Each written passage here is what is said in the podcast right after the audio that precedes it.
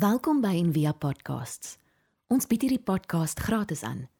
Om 'n bydrae te maak, besoek gerus ons webblad en via.org.za vir meer inligting. Ek het jare terug 'n gesprek gehad hier op Stellenbosch wat ek nooit sal vergeet nie. En dit was met 'n student wat besig was om uit die kerk uit te gaan en ook in 'n geweldige geloofstryd was. En sy woorde was eintlik vreeslik radikaal. Hy het vir my sê Theo, ek voel dat die kerk is anti-Christus of teen Christus. Hy het gesê dat ehm um, weet jy wat ek het nou al die balkies, al die gawe balkies, die tekste, die diensbaarheid balkies en ek het so gehoop dat dit my sal leer om meer liefde kan hê, maar ek het in 'n groep of tussen mense beland wat ek dink wat liefhet, maar wat 'n eksklusiewe liefde het, wat 'n voorwaardelike liefde het en dat disippelskap beteken eintlik ek maak jou in my beeld en in my gelykenis. En hy sê dis 'n verskriklike donker, donker liefde omdat ons 'n etiket oor mense se koppe kan hang van sondaar, hel toe gaan en dat dit eintlik verskriklik maklik is om so etikette kan haat. En dat ons eintlik op 'n manier mense leer om dit net dit is geweldige geweldige woorde. Ehm um, en ek dink tog daar's daar's waarheid in as jy luister na die stories van Jesus dat hy wys vir jou 'n kant van liefde wat donker is, wat boos is. En ek dink dat ons baie keer naïef is wanneer ons praat oor boosheid want ons idees word maar bepaal deur of die mitologie of deur ehm um, kultusse of deur Hollywood wat ehm um, ja 'n uh, 'n sekere kragte personifiseer of wat ook al. En op die einde is boosheid in 'n Boeddha beeldjie of 'n persiese mat of 'n Ouija board of of wat ook al. Maar ons ons sukkel om Jesus ernstig op te neem wat jou bewus maak ook van die boosheid in jou en wat jou bewus maak van hoe 'n sekere manier van saam wees 'n sekere manier van doen, die liefde van God erodeer en vernietig. En en die goedheid van God op die horison druk en dan daar amper 'n 'n boosheid 'n norm normaal word vir ons almal. Jesus ruk hy sluier oop. En miskien is daar twee woorde wat die evangelies vir ons kan help om dit beter te verstaan. Die een is die woord vir duiwel, diabolos, wat beteken to throw apart en dan is die ander een ehm um, Satan wat beteken to bring together. En jy verwag dit nie. Ehm um, dink vir 'n oomblik is die rede hoekom ons bymekaar kom maar net bloot omdat ons 'n wederkerige aanpasbaarheid het of omdat ons like-minded is of omdat ek ek is alleen of ek hou van radikale goed of um, selfs psigoseksuele aanpasbaarheid is is dit hoekom ek lees ehm, 'n um, rukterige artikel oor iemand wat navorsing gedoen het oor die aanbiddingskultuur in die kerk en hy het gekyk na leiers, sangleiers en agtergekom maar in die meeste van die groot plekke jy moet op 'n sekere manier aantrek. Jy moet op 'n sekere manier lyk en goed wat dan moet is psigoseksuele aantrekkingskrag. Is dit die liefde wat ons dan by mekaar bring? Want dit was vir Jesus duidelik dat die vraag is nie hoor jy pas julle by mekaar is dit vir julle lekker gee julle om vir mekaar jy weet is is dit 'n is dit 'n lekker groep hierdie vir jou. Die toets van liefde vir hom was wat ons vandag gelees het, is in jou naaste. En selfs die die woord net naaste, dink ek vat ons bietjie weg van wat Jesus regtig bedoel het en in in en daarom vertel hy hierdie stories om ons nader te bring aan ja aan die DNS van van wat dit werklik is. En daar's so een storielyn in die Bybel wat jy hierdie woorde altyd gaan hoor, die ander, ehm um, die vreemdeling, die geringe, 'n heiden of 'n sondaar is baie keer net wisselterme. Soos die woord heiden en sondaar is deur Jode gebruik nie om mense te etiketeer wat byvoorbeeld immoreel is of is maar net jy's nie 'n Jood nie. As jy nie 'n Jood is nie, dan is jy heiden. Ehm um, so in in daai is ek dink die wese van 'n tipe liefde waarmee ons verskriklik sukkel. En en dit steek kop uit in rasisme en etnisiteit in denominasies in ehm um, ons behoefte om uniek te wees en in 'n groep te hoort is baie keer so groot, maar dit word die vernietigende krag van die liefde van God. Nou vertel Jesus hierdie storie en hy en jy moet eintlik so daaraan dink, 2/3 van jou hart gaan eintlik liefde opmors en is gewoonlik met idees oor God, want as die priester en die leviet. So hy vertel net 'n storie. Hy gee nie 'n nuwe definisie oor liefde of goed en hy wil hê jy moet sien die verskriklike aantrekkingskrag en ons by mekaar kom maar wat ons blind hou vir wat ware liefde regtig is. En dan hierdie twee, die priester en die leviet, dis nie dat hulle selfsugtig is of gevoelloos is of hard is of hulle probleem is iets anders. Dis ideologie. Dis teologie. Dis godsdiens wat hulle keer om die liefde van God raak te kan sien. En daar was enige rabbi En hy sit by sy disippels en hy vra vir hulle: "Wanneer gaan daar genoeg lig in die wêreld wees?" En die een disipel sê: "As jy 'n denneboom van 'n eikeboom kan onderskei." En hy sê: "Nee."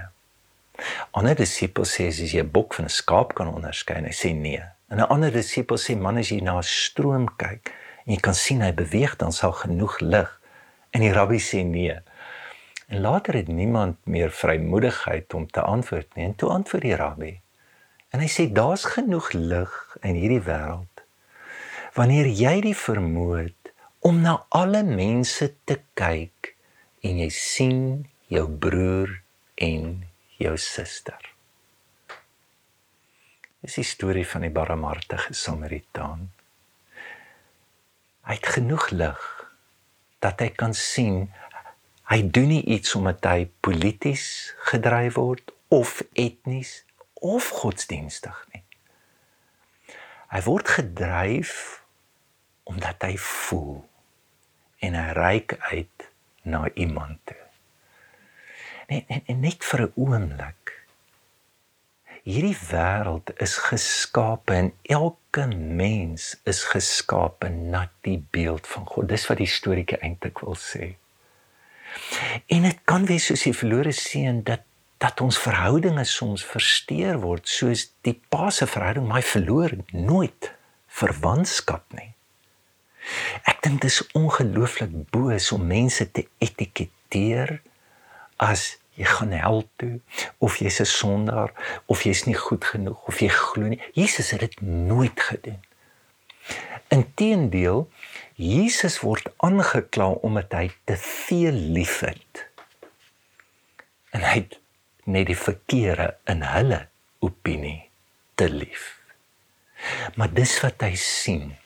Hy sien die beeld van God, ons gemeenskaplike geskaapenheid. As ons dit nie kan sien nie, dan kan ons nie lief hê nie. As dit nie die vertrekpunt is nie, dan word ons liefde sentimenteel en oppervlakkig dat die dryf jou naaste wat die toets is soos jouself is nie soos jouself in die sin van hulle moet soos jy word of dat die liefde wat jy het want jy sal nie die liefde kan hê om dit vas te hou tensy God se liefde jou totaal oorweldig en wat meer 'n gevoel is maar wat 'n sien is om dit te kan sien soos wat dit regtig is.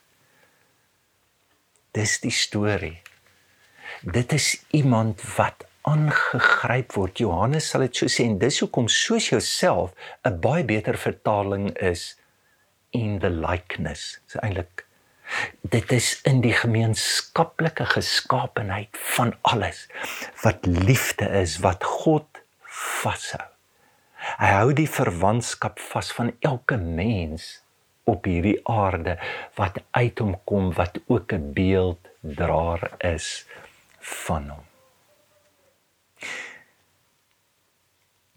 Ek hoop dat ek en jy soos hierdie Samaritaan na so 'n plek toe kan gaan want as jy dit sien, weet jy wat doen jy dan? Jy sien jou lewe in gevaar stel want hulle het baie keer maar lokvallig gestel. Hulle maak of hulle ou geslaan het, sit hulle agter die bos as jy kom en spring hulle uit.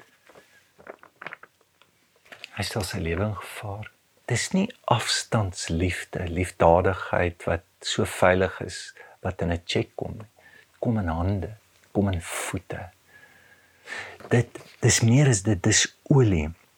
Hy gooi olie uit en dit was 'n geneesmiddel. Die passie om heling te bring, om heelheid te droom met ander mense om saam met ander te wees.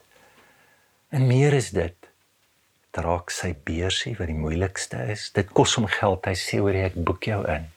Bly daar dis liefde. En hierdie liefde, ons proef hom en soos Johannes sê, sommer te ons eerste lief gehad het, nê. Nee. Dis nie ons met harder probeer nie. Dis nie omdat ons almal reg glo dat ons nou kan lief hê nie. Dis omdat ek die ervaring gehad het van wat dit is om eerste die liefde, nou wat 'n liefde is dit? Dis die liefde waaraan almal geskaap is. En as ek dit nie uit God kry, as ek nie die omhelsing het nie, dan sal ek altyd 'n tweedehandse liefde hê waarmee ek probeer. Maar jy gaan altyd verlang na die groter. Dan ons liefde seker maar soos 'n kind, nê?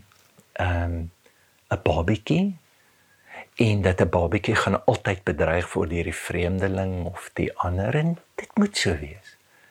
Maar dit sal verskriklik sleg wees as jy 25 jaar oud is en jy bly nog by jou ouers en jy kla dat daar niemand is wat vir jou omgee en dat eintlik dat alle mense sleg is en en ongelukkig is dit dalk 'n beeld van 'n kerk wat nog in baba skoene is. Maar moenie dit as 'n rede gebruik om nie lief te hê nie vat Jesus se uitnodiging. Ja, kom uit jou baba liefde uit. Word groot. Toe ek 'n kind was, het ek gedink soos ek nou dat ek 'n man is. Dis in die is dit nie hoofstuk van liefde. Dis in die middel ingesit. Dis die uitnodiging van God na jou lewe toe. Voel voel dit. Mag jou liefde meer as net sentiment wees. Jy hoor mos partykeer sê mense, ag, hoor jy kan ons mekaar nie net meer lief hê nie. Nee, probeer jy gaan nie. Jy het nommer 1 eerste liefde nodig. En daai liefde gaan jou die gesig van jou broer, van jou suster, van God in jou huweliksmaat, in jou kinders, in jou vriendekringe laat sien wat jou beweeg. Ek lees hierdie week Dostoy Dostoyevsky Hy sê, so wat is hel? Hy sê dis die onvermoë om lief te hê. As nie groter pyn om dit nommer 1 te ervaar, maar ook om dit nie te kan gee nie. Mag jy ervaar hoe die Here jou uitnooi, jou roep, hoor hom. Hy roep jou na die ander, na die vreemdeling om ook die gawe van ja, 'n liefde wat teenwoordig is in 'n geskaapenheid wat jy liefhet wat jou gaan maak soos wat God is omdat dit is wat jy liefhet. Mag jy ervaar hoe dit jou lewe verander. Ons hoop van harte jy het hierdie podcast geniet of raadsaam gevind. Besoek gerus en via.ok.za vir meer inligting.